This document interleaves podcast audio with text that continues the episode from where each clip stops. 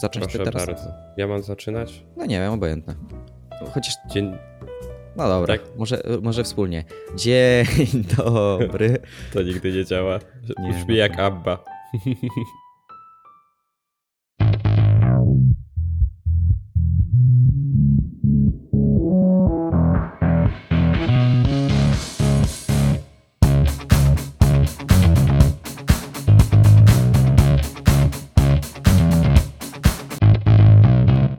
ma co owijać bawełnę. Witamy Was wszystkich w podcaście Nomad Podcast. Znowu, jeżeli słuchacie znowu, a jeżeli słuchacie pierwszy raz, to cześć. Ja się nazywam Armand Dorosz. Ze mną jest Łukasz Jakubowski, witam, witam, witam.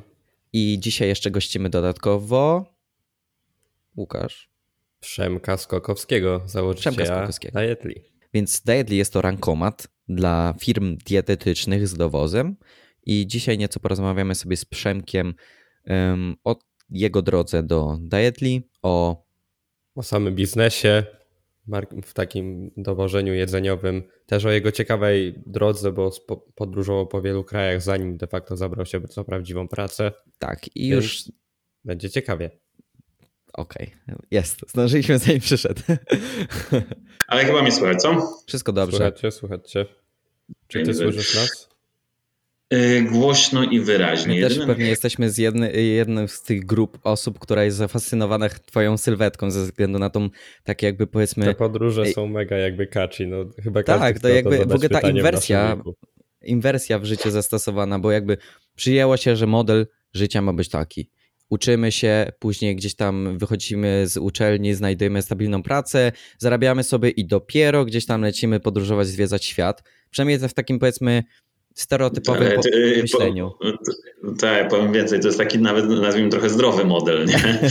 Bo yy, nawet tak teraz patrząc z perspektywy tego, jak zatrudniamy ludzi, no to jak ja szukałem roboty, no to miałem lat 20 bodajże 6, czy, czy, no tak, około tam 25 lat. No i doświadczenie, wiecie, na call center, w jakichś tam, e, nie wiem, klubach, tego typu rzeczach, gdzie moi znajomi już od przynajmniej trzech lat zasuwali na staże i byli nie na stanowiskach juniorskich, tylko jakiś tam powiedzmy regular, nie wiem, specialist, cokolwiek, a ja kurde, hmm, potrafię robić prezentację w PowerPoincie, nie?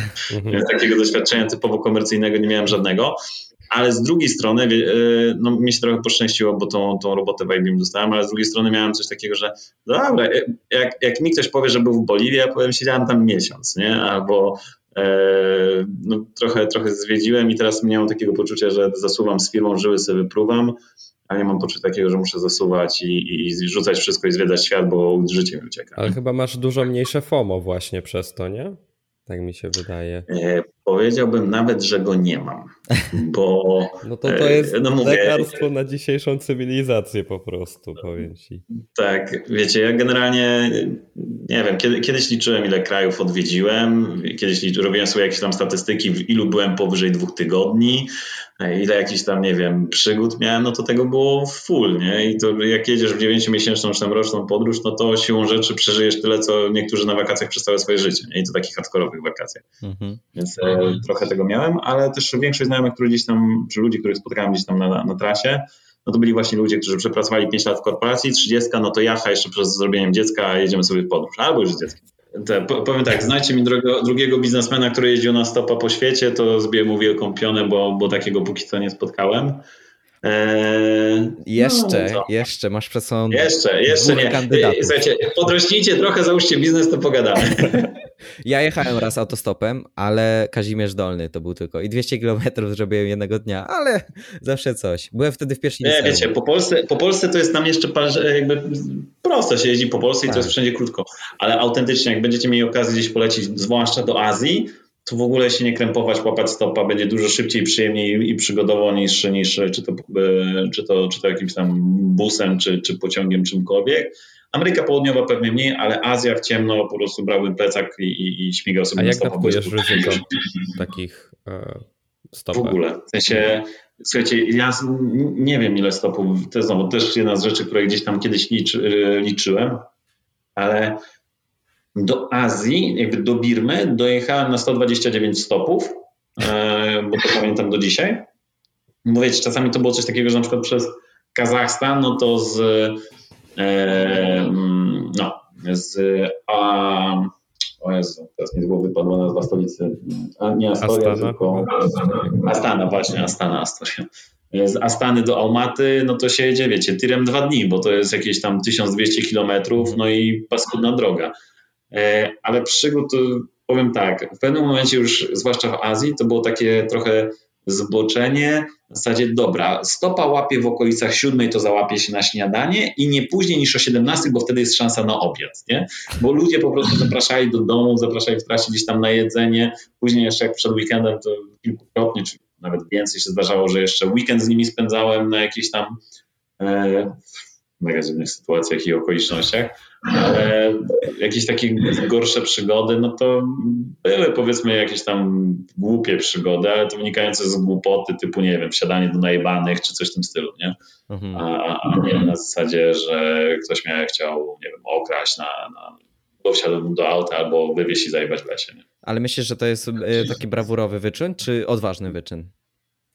Słuchajcie, brawurowy wyczyn to możecie sobie E, Monika Masaj, e, moja kumpela, która dwa lata na stopa jeździła po Afryce. I to jest brawurowy wyczyn, nie? E, jeszcze ruda i chuda i ładna dziewczyna, dwa lata na stopa po Afryce sama.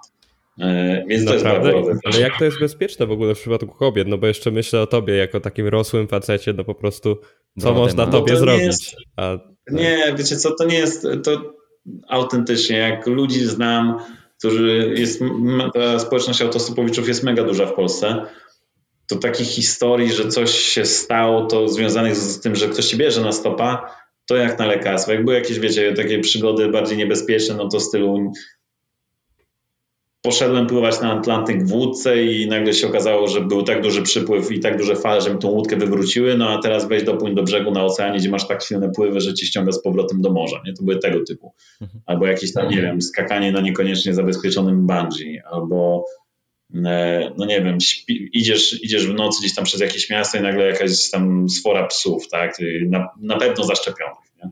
Więc raczej tego typu niebezpieczna jest sytuacja, nie, że ktoś cię bierze na stopa i jest jakaś dziwna krzywa akcja. Raczej właśnie na stopa jak weźmiesz, to jest zawsze ok. A jakoś się zabezpieczałeś? Nie wiem, gaz pieprzowy czy, czy coś takiego? A, e, wiecie, ja mam jeszcze mega wadę wzroku, bo ja mam minus 11, tak? I, no. i no właśnie, Co? No, jestem, jestem ślepa kura bez, bez soczewek. No i jeszcze wtedy to były, te, teraz są już takie miesięczne soczewki, nie? Natomiast wtedy musiałem na noc zdejmować te soczewki. Więc wyobraź sobie typa, minus 11, zdejmuję na sen soczewki, no i śpię rzeczywiście, wiecie, przy, przy, przy głowie mam pałkę teleskopową gaz, i gaz pieprzowy, i, ale jak w nocy coś szemra na zewnątrz, to, to ja, wiecie, szukam tych soczewek, żeby założyć, żeby zobaczyć, co się na zewnątrz dzieje, nie? Ale tak, to nie wiem, no, znowu psy. Psy były grani najczęściej powtarzającą się jakąś taką niebezpieczną przygodą, bo rzeczywiście mało fajne jest, jak 5 czy 6 psów zaczyna dookoła ciebie skakać i, i, i, i no jest szansa, że cię po prostu któryś ugryzie. Nie? No to teraz było rzeczywiście, jak użyłem gazu na psy. No i jak śpisz w namiocie gdzieś w mieście też ta sama, czy, czy inna sfera psów, po prostu słyszysz, że krąży dookoła namiotu, bo, bo słyszysz, że jesteś w środku, no i no jest na przykład wygłodniała, ty, nie wiem, opędzlowujesz jakąś tam kanapkę. Więc raczej tego typu sytuacje, ale, tak, to, ale to w Ameryce Południowej. E, Mogę jeszcze mieć tylko pytanie o. No, no jasne. No bo bardziej, bardziej mówisz w sytuacjach, że gdzieś spałeś i jakby były te psy czy coś takiego. Bardziej mi chodziło o osoby, które cię brały na tego stopa. W ogóle. W ogóle. To jakby z takich gorszych historii, no to powiedzmy gdzieś tam Kirgistan, Tadżykistan i, i Kirgistan, Tadżykistan, e, to tam się zdarzało coś takiego, że wiesz, ludzie się zatrzymywali i że oni chcą dzięki, nie? że za podwózkę. Ja mówię, no nie ma opcji, jadę na stopa, nie? Jakby, jakby jadę z Polski dojechałem tutaj za darmo i mam zamiar dalej jechać za darmo, nie? No to się tak obrażali, ale to był jedyny jakiś taki nieprzyjemny To są sytuacji. dzięki, w sensie pieniądze? Tak? Pieniądze po rusku, tak, pieniądze po rusku. A ty umiesz jakie języki w sumie poza polskim? E, po angielsku, wiadomo. E, Kiedyś jeszcze w liceum wygadywałem się po francusku, byłem w nieszczęsnej klasie z francuskiej. E, I znienawidziłem ten język i nawet jestem szczęśliwy, że zapomniałem go w ciągu paru lat, bo, bo nie używałem, gdy niczego się nie przydał. E, jak byłem w Hiszpanii, w Hiszpanii, w Ameryce Południowej przez te 9 miesięcy, to rzeczywiście po hiszpańsku tak na poziom mniej więcej B, B2, B1. E, I po rusku rzeczywiście, jak jeździłem też po tych właśnie tak zwanych Stanach, e, przez parę miesięcy, no to też na taki poziom powiedzmy B2. Jazda, jazda, biała gwiazda. Super. No to Przemek, w takim razie y, już, już zrobiliśmy mały wstępik, a zacznijmy od tego, czym się obecnie zajmujesz i czym jest twoja firma Dietli. Obecnie pełnię w firmie rolę stoperana i to zero beki. Dosłownie jak jest po prostu gdzieś ogień albo, e, albo coś innego, no to muszę pełnić tą rolę stoperana, który po prostu przyjdzie i powie dobra stop, e, bo, bo, bo jest ogień. Natomiast w dużej mierze na chwilę obecną, czy przez ostatnie trzy miesiące, no to zajmuję się de facto trochę taką strategią, w końcu tym, co, co jest takie już dużo bardziej ciekawe niż, niż coś, co robiłem przez ostatnie powiedzmy, czy pierwsze dwa lata, czy trzy lata prowadzenia firmy, trochę bardziej strategia, kogo zatrudnić, jak zatrudnić, jak budować, w którym kierunku się rozwijać, co musimy zrobić, żeby dojść do jakiegoś tam celu, który sobie jako firma e, wyznaczamy na ten rok i, i na, na przyszłe 2-3. E, także raczej nazwałbym to takim trochę strat planowaniem, strategią i, i, egzekucją, bo to też jest dość ważne w roli prezesa, żeby egzekwować to, co zostało zaplanowane i czy zostało dowiezione. A e, powiedz mi tylko, co się może palić w firmie, e, catering, catering, która się zajmuje cateringiem dietetycznym? Rank, to chłopaki teraz sprostowanie. My się nie zajmujemy de facto cateringiem dietetycznym, w sensie tylko my tworzymy soft dla, ta, my robimy soft dla cateringu dietetycznego. Tak, tak. E, to w ogóle jakby tak przybliżając, mamy trzy rzeczy. Ja mówię, że mamy cały ekosystem, ale mamy trzy rzeczy. Z jednej strony mamy mega wielki rozbudowany CRM do zarządzania firmą produkcyjną, gdzie ktoś jak wpadnie na pomysł, robię sobie catering dietetyczny, to ten program dosłownie zrobi mu wszystko i jeszcze się uśmiechnie na koniec. Nie? E, to, i, I to jest taki produkt typowo dla biznesu. Z drugiej strony mamy tak zwany mm, e-commerce, panel do zarządzania, jakby panel sklepy, tego typu rzeczy, gdzie klienci mogą sobie samodzielnie zarządzać zamówieniami w różnych e, firmach, e, które robią pudełka. No i trzecia rzecz, taka najbardziej do ludzi, którą wszyscy widzą i którą gdzieś tam robi nam w tym momencie największe przychody, to jest marketplace, czyli te nasze dietly.pl czy dietly.pl, jak to woli, gdzie my de facto pełnimy rolę, tak znowu przenosząc na bardzo prosty język, pyszne.pl dla cateringów dietetycznych nie? w tym momencie.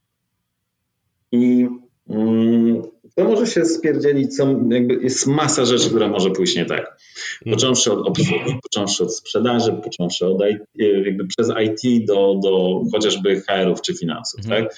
Jeżeli chodzi o jakieś takie rzeczy obsługowe, no to może być jakiś, dajmy na to, e, może się okazać, że dziewczyny, przykład, coś skrzaniły w związku z RODO, nie? Nie wiem, coś napisały klientowi, co nie powinny napisać, albo tego typu rzeczy. Pierwszy fakat, co trzeba zrobić.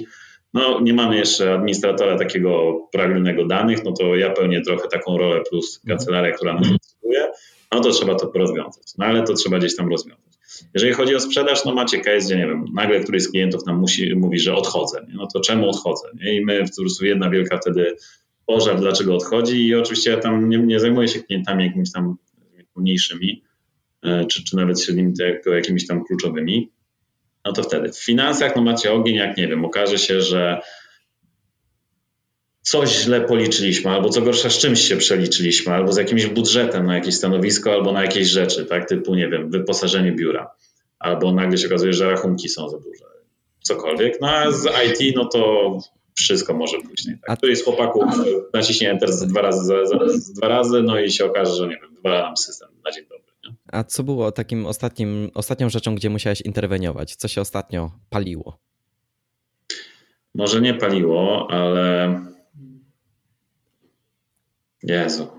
Dzisiaj mam nawet dwa przykłady, ale to są jakieś takie delikatne przykłady. To może taki polećmy z, właśnie z dużym ogniem, po, po, pożarem takim jak w Turcji jest teraz. No to taki pożar jak w Turcji. No mamy, mamy sobie bardzo znanego klienta, który prowadzi catering dietetyczny z jednej strony. Z drugiej strony mamy e, żabkę, która przejęła pakiet większościowy naszych udziałów no i mamy jeszcze trzecią firmę, do której, e, która teoretycznie też należy do żabki, czyli Maszwita.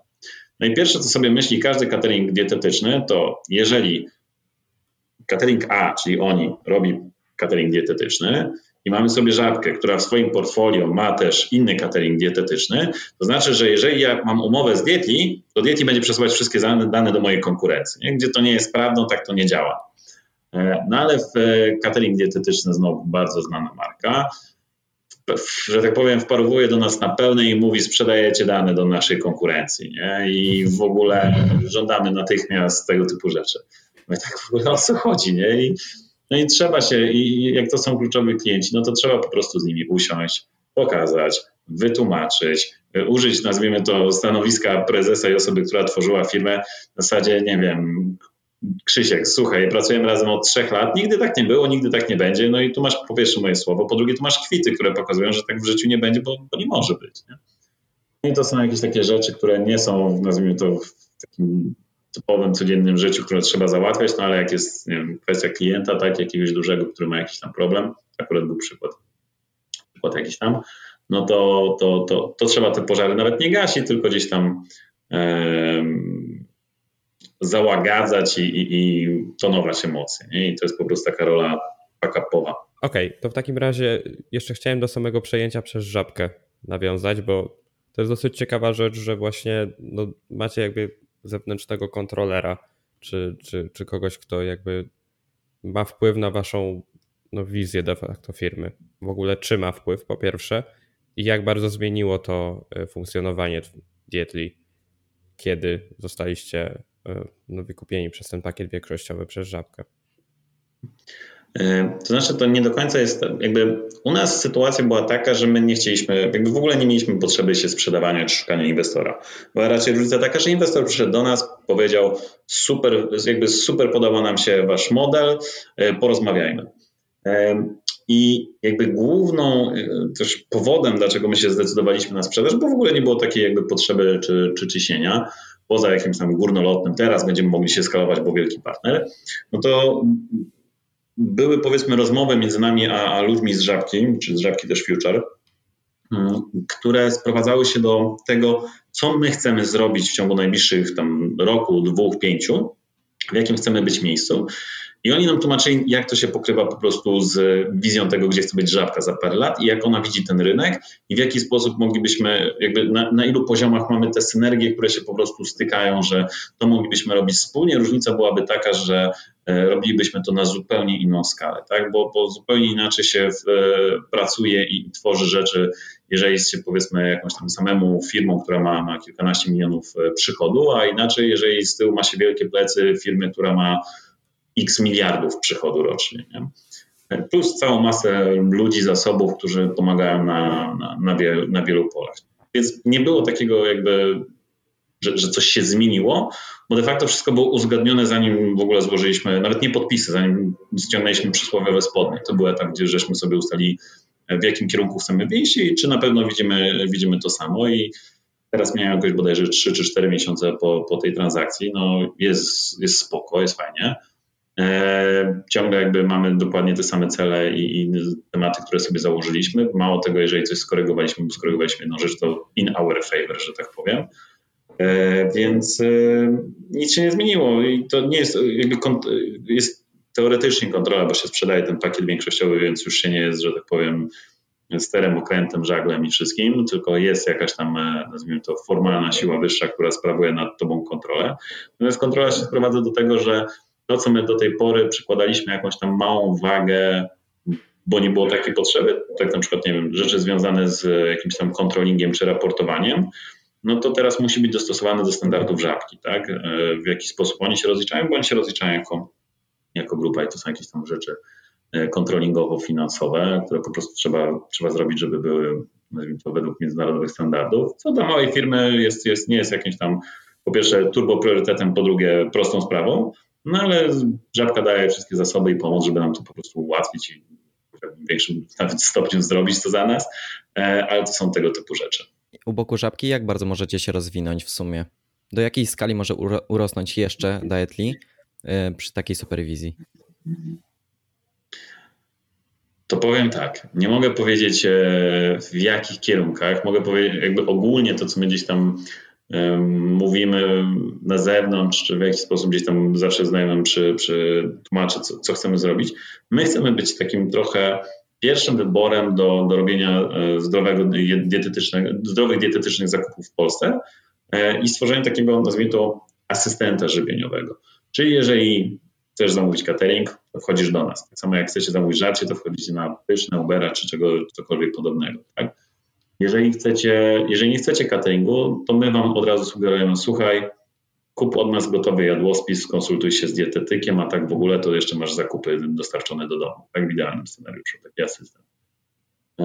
To jest oczywiście jakaś tam powiedzmy, powiedzmy wizja, do której dążymy, natomiast to nie jest ani proste, ani, ani szybkie do zrobienia, no i byłoby niemożliwe prawdopodobnie, gdybyśmy próbowali sami, no bo niektóre elementy skalowania można robić samemu, tak, moglibyśmy robić, nie wiem, kolejne gdzieś tam odnogi związane z jakimiś tam online biznesami, natomiast gdybyśmy chcieli wejść w tak zwane offline, typu logistyka, typu jakieś tam grubsza sprzedaż do, do, do naszych klientów, no to zwyczajnie byśmy nie mogli, a dzięki temu, że mamy, mamy właśnie mamy tą naszą żabkę, no to jest po pierwsze to możliwe, a po drugie dużo łatwiejsze.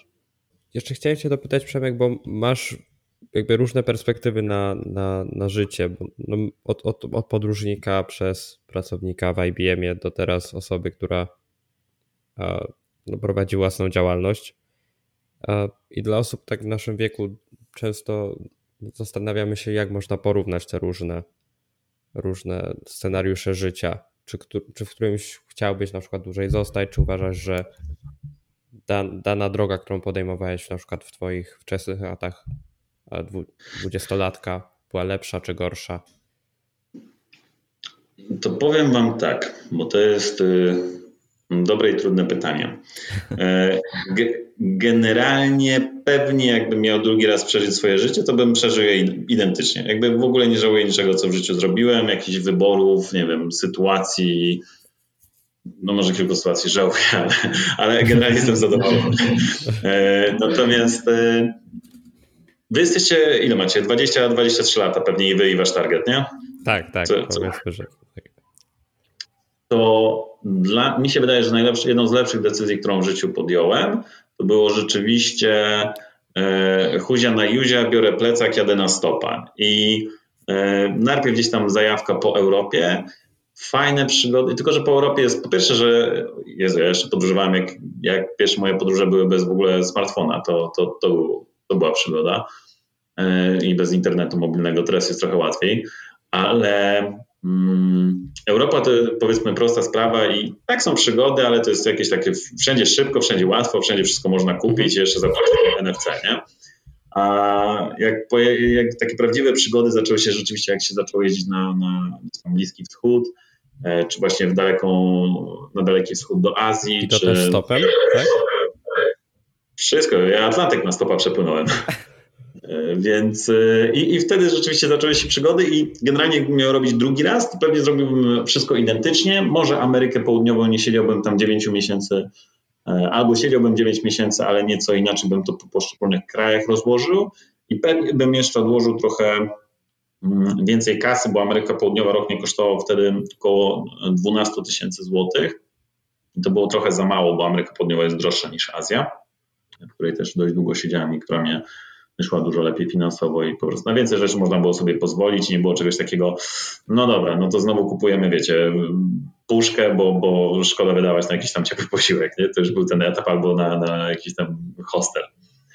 E, na pewno bym zrobił drugi raz podróże, ewentualnie trochę bym je poskracał, trochę sobie jakoś tam poprzesuwał tak bardziej praktycznie. E, w IBM-ie pewnie bym, patrząc z perspektywy czasu, raczej został, jakbym miał możliwość trochę dłużej, e, może o rok, może, może o dwa, bo jednak teraz jak widzę ludzi, którzy kończą właśnie takie, czy pracują w korporacjach e, typu IBM, Wielka Czwórka, e, czy, czy, czy w różnych funduszach inwestycyjnych, no to rzeczywiście widać wiedzę. Nie? I, i, I to jest taka wiedza, która mi szczerze mówiąc imponuje. I wiem, że gdybym siedział dłużej w korpo, no to pewnie też bym tej wiedzy trochę więcej nabył. Z drugiej strony wtedy później bym założył biznes, no i znowu, bo jak zakładałem działalność, w sensie całe, całe to nasze, nasze, naszą firmę, no to miałem 26 lat.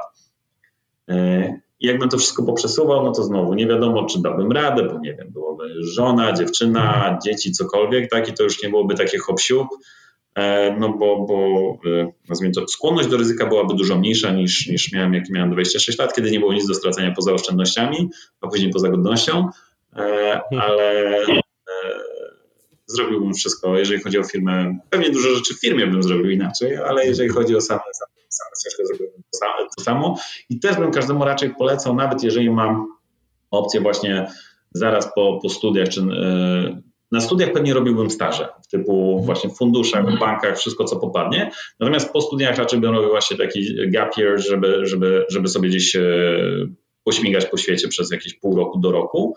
E, a później bym pewnie wrócił i popracował z dwa lata, zastanowił się, czy na pewno zawód, w którym pracuję jest ok, czy może jeszcze potrzebuję sobie zrobić jakąś przerwę, ale koniecznie bym wyjechał w jakąś taką dłuższą podróż, typu na przykład w Izraelu jest taki, taki zwyczaj, że po służbie wojskowej robi się właśnie taką, taką przerwę dłuższą i jak z nimi rozmawiałem, to jest najlepsza rzecz, która się zdarza po, po obowiązkowej służbie wojskowej, czyli takie wakacje do 6 miesięcy. No i z niektórymi ludźmi utrzymuję gdzieś tam kontakt, no to też właśnie tam przy okazji podróży i później startupu e, gdzieś tam rozmawialiśmy, czy nawet później zawodowo, no to, to, to mówi, że najlepsza decyzja w życiu to pojechali sobie w wieku tam 20-21 lat na, na takiego tripa dłuższego. E, niektórzy, niektórzy, większych, które spotkałem, to na stopa, ale też tak jak się jeździ, po, po, zwłaszcza po Azji, no to spotyka się sporo, mm, sporo obcokrajowców w hostelach, którzy właśnie robią sobie takie przerwy dłuższe. Czy te twoje, że tak powiem, kontakty, które nawiązałeś w ciągu swoich podróży, bo no to nie było 6 miesięcy, jeśli dobrze zrozumiałem. Jeśli byłeś w samej Ameryce 9 miesięcy, to zakładam, że to było parę lat. A czy te kontakty, które nawiązałeś w trakcie swoich podróży, rzutują na twoje teraz życie? Czy w jakikolwiek sposób je utrzymujesz, czy albo czy chociaż masz jakieś wspomnienia, które pozwalają ci teraz żyć bardziej w spokoju z samym sobą? Moim zdaniem to jest generalnie jeden z większych mitów dotyczących podróży, że w podróży jak się spotka kogoś, no to jest znajomość na całe życie i w ogóle te znajomości są takie głębokie no tak. i będziemy sobie rozmawiać o życiu, nie? E, no nie. Mhm. W sensie ja w podróży pewnie spędziłem około tam pi razy drzwi dwa lata mm, i znajomości takich, które rzeczywiście utrzymuję do dzisiaj, to mam e, dwie. E, jedna to jest e, babeczka, którą poznałem z jej mężem w Birmie, w ogóle przypadkiem, Polka, wow. i która ostatnio nawet, e, jak jeszcze zanim mieliśmy HR, to, to robiła nam rekrutację po prostu, bo pracuje też w, w HR-ach. I gdzieś tam po, po drodze wielokrotnie się spotykaliśmy. A druga znajomość, taką, którą utrzymuję do, do dzisiaj, no to jest, to jest dziewczyna, z którą jakiś tam czas podróżowałem po Azji. I jakoś tak się śmiesznie potoczyło. Później jeszcze też, e, jak wróciliśmy do Europy, to, się spotykaliśmy, jakieś, e, startowaliśmy w jakichś Red Bullach, w ogóle konkursach też autostopowych. Natomiast e, z nią mamy kontakt, a coś śmieszniejsze została europosłanką, więc...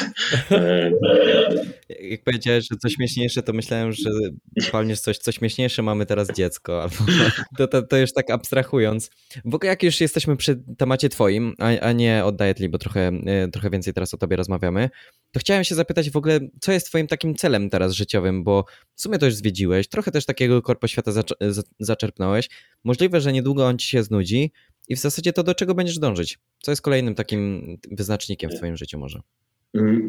Wiecie, to jest taki trochę e, mokry sen startupera, co mi się, co mi się przydarzyło, bo założyłem e, z chłopakami firmę, żeśmy ją rozwinęli, sprzedali już w jakimś tam stopniu, tak niektórzy chłopacy wyszli w całości.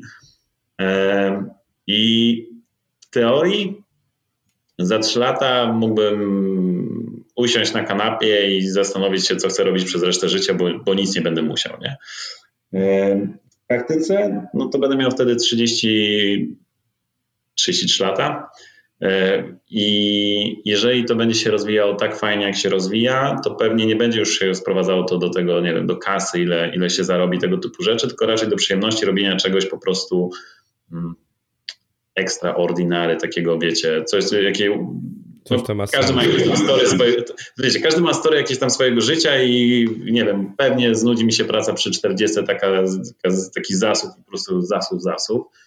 E, teraz też nie jest e, jakby powiedzmy lekko i, i, i, dużo się pracuje.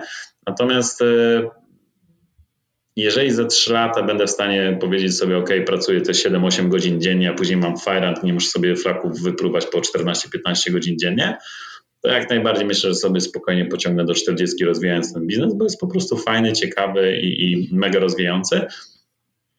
A później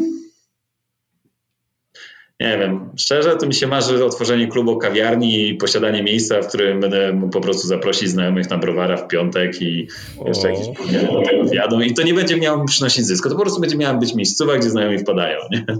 Więc e, to takie bardzo, bardzo przyziemne. Nie mam jakichś takich planów, żeby nie wiem, kupić sobie wyspę, czy, czy, czy samolot, czy e, nie wiem, jakąś, jakąś daczę na Mazurach.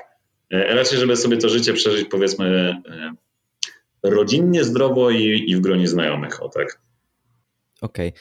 Może na chwilę jeszcze wrócimy do Dietly, bo już trochę się rozwinęliśmy, a mamy już mało czasu. Ja bym chciał jeszcze wspomnieć, ten czas w ogóle pandemiczny nauczył wiele, wiele korporacji takiego zdalnego pracowania. Wiem, że w Dietly wy się też podjęliście zdalnego, zdalnej pracy.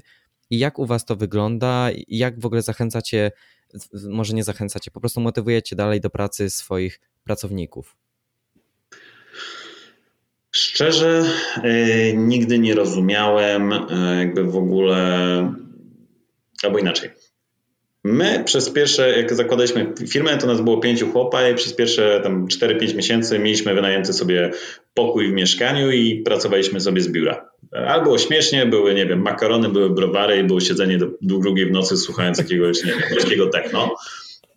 I, I to był fan po prostu, jakiś tam styl życia, nie? Startupera. E, później nie było nas stać na, na wynajem tego pokoju, no to pracowaliśmy tak naprawdę przez dwa lata zdalnie. Dlaczego mnie to nie dziwi, że nie było was stać? No, wiecie, no w momencie, kiedy w sensie, ja mówię tutaj tak o tych browarach, no nie, bardziej o to zahaczam. Nie no, browary to za, zawsze było, zawsze się znalazło w kieszeni. E, czynsz był tam jakieś 2700 zł, jak dobrze pamiętam, więc, a później nas dobiły jeszcze rachunki za prąd, bo mieszkanie było ogrzewane elektrycznie zimą jakąś taką turbo mocną, więc to nas zabiło. Wiecie, pracowaliśmy dwa lata zdalnie i tak naprawdę zespół zaczęliśmy gdzieś kompletować tutaj w Gdańsku dwa lata temu. No i to raczej tak na zasadzie, słuchajcie, przychodźcie do biura. Natomiast później i tak wciąż większość zespołu, prawie 50% jeszcze do zeszłego roku, była poza Gdańskiem. W zeszłym roku zaczęliśmy kompletować większą ekipę w Gdańsku. No ale to po, jakby no, dla przykładu. W Gdańsku w biurze mamy tutaj około 40 osób. E, I to jest raczej na tej zasadzie, słuchajcie, jak chcecie przychodzić do biura, wpadajcie, jest śmiesznie, jest, nie wiem, szczenia, który tutaj lata i wymaga wyprowadzania, bo inaczej leje. Jest, e, nie wiem, no, jest po prostu luźna atmosfera, to nie jest jakieś, wiecie, że musimy być e, pod koszulą, no, to głupi przykład pod koszulą, ale raczej jest tak powiedzmy trochę, trochę, trochę domowo. Więc jak przyszła epidemia, no spoko, no to przyszła epidemia, no posiedzieliśmy w domach przez te parę miesięcy, ja i tak przychodziłem do biura, bo po prostu w domu na moich 400 metrów kwadratowych nie da się pracować. E, więc e, i, i tak to chciał przychodzić do biura, a później jak już się tak naprawdę wszyscy zaszczepili, no to tego, e, tego, te, tego, problemu, tego problemu nie było. I teraz też mamy jakby taka jest zasada, że słuchajcie, kto chce z domu, to z domu, kto chce do biura, to zapraszamy. Przebek, jak znalazłeś współpracowników do swojej pracy? No bo miałeś dosyć nietypową ścieżkę, no bo jakby do, miałeś przerwę pewną, czyli teoretycznie człowiek by myślał, że straciłeś jakieś tam kontakty czy, czy możliwości w zamian za coś, a jednak znalazłeś ekipę do, do stworzenia tego startupu i stworzenia jakby firmy. Powiem tak. Jak się czyta różne książki startupowo, rozwojowo, firmowe, to jedną z kluczowych rzeczy, których nie przeczytacie, to jest jak bardzo istotne są te pierwsze zatrudnienia, czy w ogóle proces zatrudniania ludzi, jakiegoś takiego culture fitu mm, i, i, i różnego setupu skilli. I generalnie e, dowiedziałem się o tym wszystkim w ciągu ostatniego roku. Wcześniej to było takie zatrudnianie na pałę. Na zasadzie, jak był flow przez tę rozmowę telefoniczną, no to stary zaczynasz w poniedziałek. Nie? I dosłownie tak wygląda. No, pierwszą naszą taką rekrutacją, którą zrobiliśmy, był, był Grzesiu, którego zatrudniliśmy po, po dwóch miesiącach od startu. I to było ogłoszenie darmowe na OLX-ie. Na OLX-ie ogłoszenie o pracę, tak? Więc w ogóle trochę dziwnie, na programistę.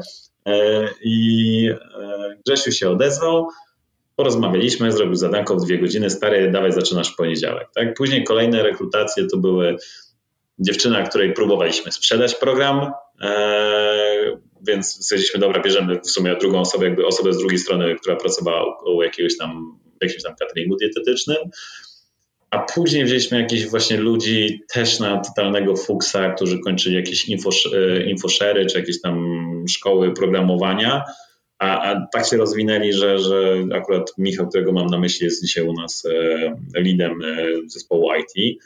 Więc e, więcej szczęścia niż rozumu i, i, i tyle. A, ale osoby to były zupełnie osoby spoza sieci kontaktów w przypadku, poza osobami, którymi za, za, za, jakby zaczynałem firmę.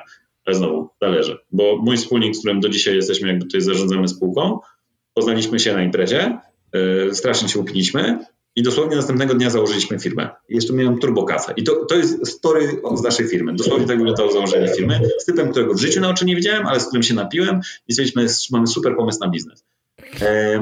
To była historia z Waldkiem, a pozostałych dwóch chłopaków, z którymi jeszcze zaczynaliśmy, to wzięliśmy, e, mówiąc krótko, z IBM-u, bo w IBM z nimi pracowałem, byli programistami, stwierdziliśmy, stwierdziliśmy wspólnie, że słuchajcie chłopaki, w IBM macie robotę twórczą, dawajcie, idziemy na swoje i będziemy, będziemy po prostu robić coś e, dla nas, w cudzysłowie, pod nas. Czyli morał z tej całej historii jest taki, żeby właśnie nie, nigdy nie lekceważyć ludzi po alkoholu, bo mogą z tego wielkie rzeczy wypaść.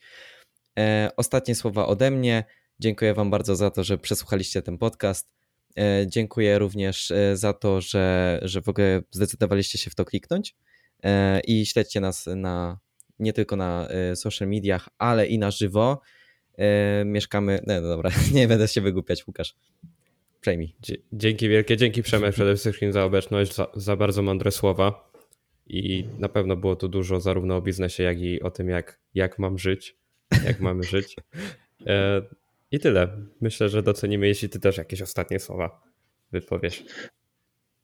Ja wam nie będę mówił, jak macie żyć, nie? ani że macie wziąć kredyt i zmienić pracę, ale e, no mówię, jak ktoś, jak ktoś ma generalnie pytania, e, bo, bo to miałem taki, tak już puentując, e, ludzie, jak swojego czasu podróżowałem i rzeczywiście prowadziłem bloga, to tam dziesiątki tysięcy osób doczytały i pisały do mnie, to dość często ludzie mi zadawali bardzo proste pytania na zasadzie, nie wiem, co mam zrobić i tak dalej. Powiem tak, z perspektywy czasu jakkolwiek zadufanie to zabrzmi, ale na moim przykładzie mogę powiedzieć, że jak ktoś ma jajce, żeby wyjechać z domu, pojechać na stopa, to później będzie miał jajce, żeby założyć firmę i podjąć całą masę decyzji, które nie zawsze będą mądre, ale mają szansę zaprocentować bardzo im plus. Także dzięki wszystkim i jak coś, to jestem otwarty, można do mnie pisać na LinkedInie, na fejsie, śmiało. Ja się z wami żegnam, Armand Dorosz, do usłyszenia. Jeszcze Łukasz się pożegna. Cześć, papa. outro. Myk.